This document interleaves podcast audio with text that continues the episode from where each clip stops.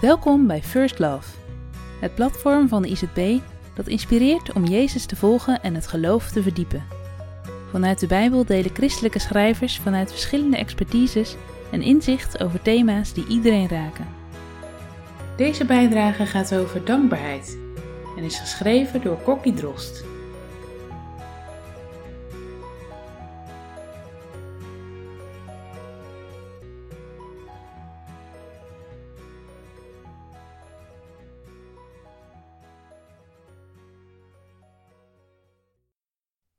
Loof de Heer, want Hij is goed.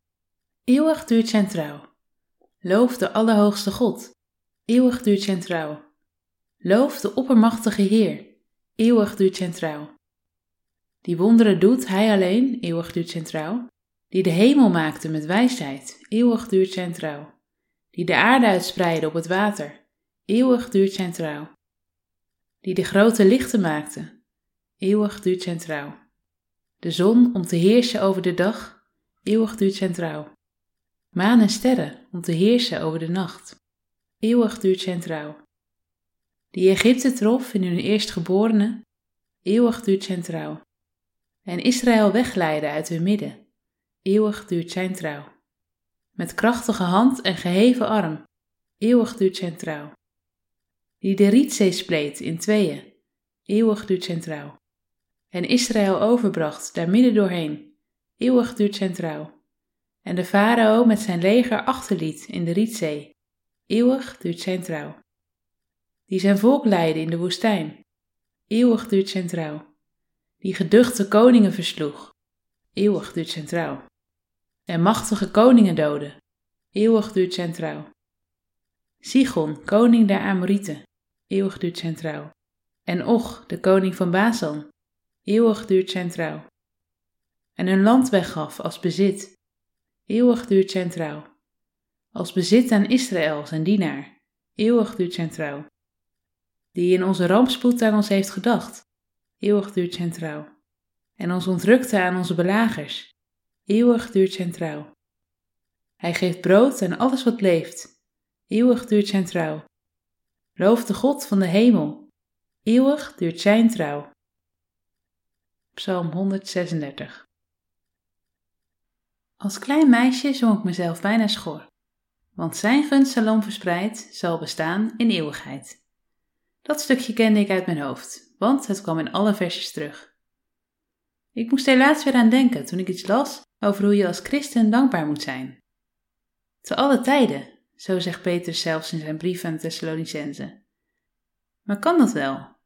Kun je wel altijd dankbaar zijn? Wat je omstandigheden ook zijn. Er zijn vast wonderbaarlijk optimistisch geboren mensen die het kunnen. Zelf heb ik er meer moeite mee. Zelfs had ook al mijn zegeningen en kom ik handen tekort om ze allemaal kwijt te kunnen, dan nog voel ik niet altijd de dankbaarheid die ik zou moeten voelen, volgens mezelf dan.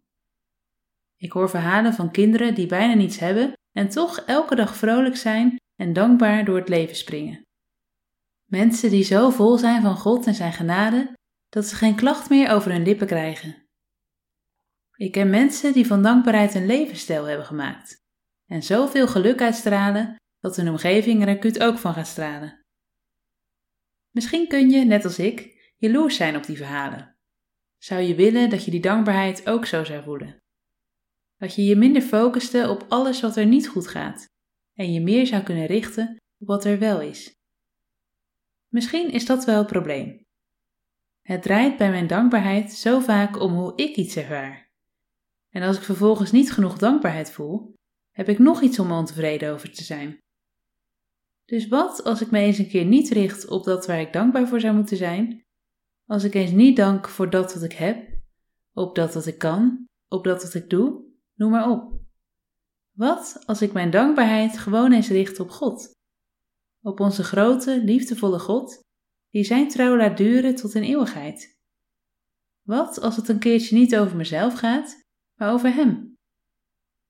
Ik denk dat ik er dankbaarder uitkom, dan onder welke gezegende omstandigheden dan ook. Loof de Heer, want Hij is goed. Zijn trouw is voor eeuwig.